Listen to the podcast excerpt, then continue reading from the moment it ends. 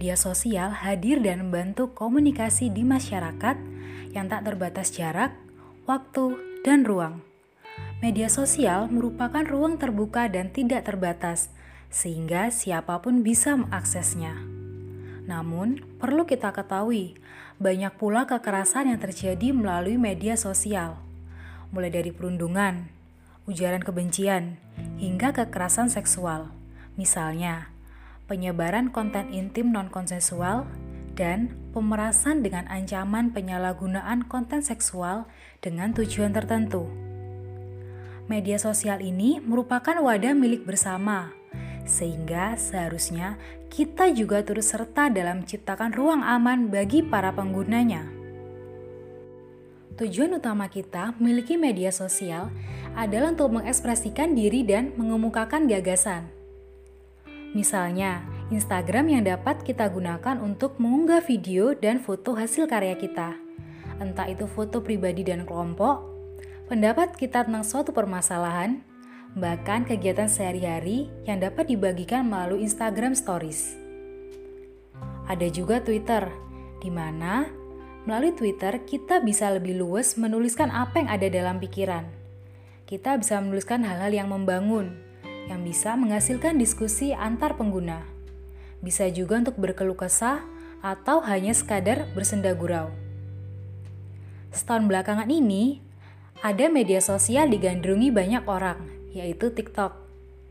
Melalui TikTok, kita bisa menemukan beragam video seperti tarian, nyanyian, tutorial, dan tips yang dikemas secara kreatif dan menarik.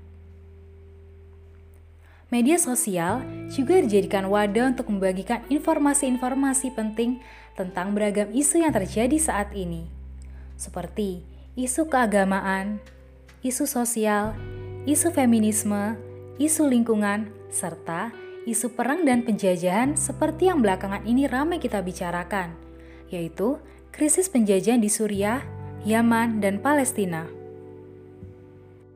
Hal ini menunjukkan bahwa apa yang kita lakukan merupakan bentuk hak berbicara dan berekspresi.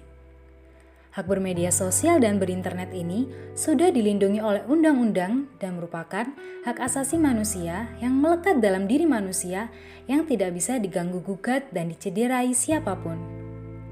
Tapi, dalam menggunakan kebebasan berbicara dan berekspresi, ada batasannya.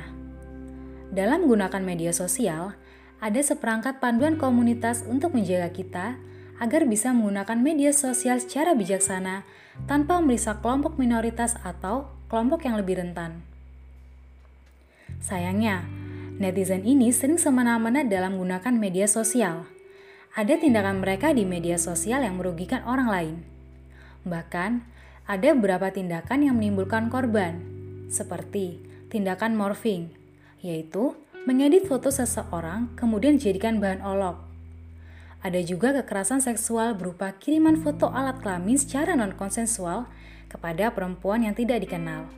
Tentunya, tindakan ini menimbulkan trauma yang mendalam bagi korban. Belum lagi, beberapa waktu yang lalu, netizen Indonesia menyerbu akun pariwisata salah satu negara di benua Oseania dengan pernyataan dan ekspresi rasisme. Hal ini terjadi karena netizen merasa memiliki otoritas untuk mengolok mereka. Nah, perbuatan ini merupakan perbuatan yang tidak sesuai dengan etika dalam bermedia sosial. Tentunya jangan sampai hal ini terjadi kembali. Nah, tahukah sobat setara bahwa negara Indonesia berdasarkan hasil survei Microsoft tahun 2020 menyebutkan bahwa Indonesia sebagai negara dengan netizen terburuk. Dalam laporan yang diberi judul Digital Civility Index atau disingkat DCI, Indonesia menduduki urutan ke-29 dari 32 negara yang disurvei, yang juga menunjukkan bahwa Indonesia berada dalam peringkat terendah di Asia Tenggara. Microsoft melakukan survei terhadap 500 responden dan mencatat skor kesopanan dari negara Indonesia yang sebelumnya sebanyak 67 naik 8 poin menjadi 76. Apabila poin semakin bertambah, artinya kualitas kesopanan daring memburuk. Apabila poin berkurang, berarti menunjukkan kualitas kesopanan daring yang baik. Riset Microsoft menyebutkan bahwa 5 dari 10 netizen di Indonesia pernah terlibat dalam perundungan di media sosial. Komnas Perempuan melalui catatan tahunan 2021 menyebutkan bahwa kekerasan berbasis gender siber di tahun 2020 meningkat sebanyak 510 kasus. Padahal di tahun 2019 hanya terdapat 126 kasus. Artinya, peningkatan yang sangat signifikan di ruang online.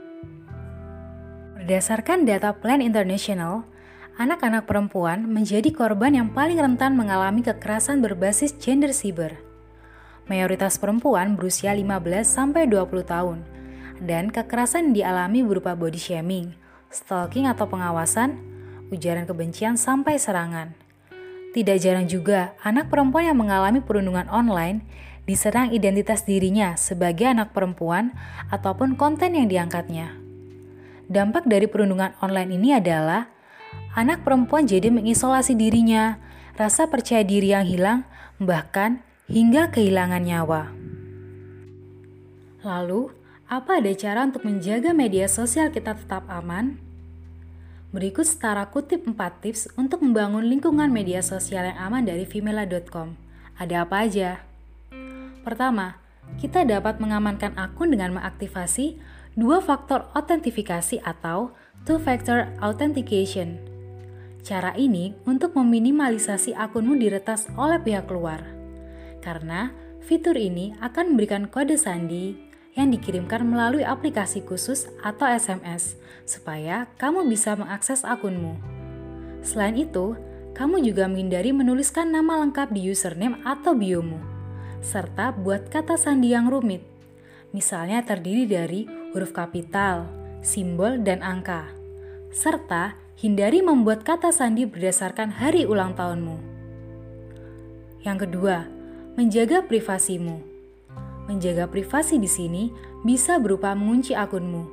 Bisa juga dengan cara membatasi komentar dan orang-orang yang dapat mengirimkan pesan langsung ke akunmu. Di Instagram, kamu bisa gunakan fitur close friend untuk menyaring orang-orang yang dapat melihat kontenmu dan tidak. Selain itu, ketika kalian kenal dengan orang melalui media sosial, jangan langsung memberikan alamat lengkap, tempat tinggalmu, maupun nomor HP-mu. Ketiga, mencegah bullying. Kamu dapat membangun ruang aman di media sosial dengan berhenti membudayakan bullying online.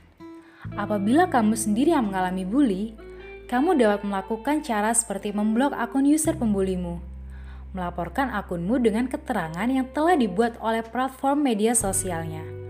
Kamu juga bisa mengatur agar kolom komentarmu tidak terpapar oleh kata-kata negatif yang menjatuhkan. Dan yang keempat, kamu bisa melindungi pengguna lain dengan tidak melakukan perundungan kepada mereka, atau kamu bisa membantu melaporkan akun-akun yang mengirimkan konten-konten yang meresahkan. Sangat mudah, bukan? Menciptakan ruang aman di media sosial adalah kewajiban bersama. Ketika seseorang mengunggah foto ataupun video, bukan berarti mereka boleh dilecehkan atau diolok. Kita boleh berpendapat, tapi jangan sampai melenceng dan menjatuhkan orang lain berpendapatlah sesuai dengan etika dan moral. Nah, itu sudah tadi podcast Tara untuk episode kali ini. Dan jika sobat suka, sobat dapat mendukung kami dengan cara membagikan episode podcast ini di media sosial kalian, serta dapat juga dengan follow akun podcast ini dan akun media sosial kami lainnya di Instagram @stara.line.id, Twitter @stara.line.id, dan sobat juga bisa ikutan ngobrol dengan kami di line Open Chat Stara. Sampai berjumpa di episode selanjutnya.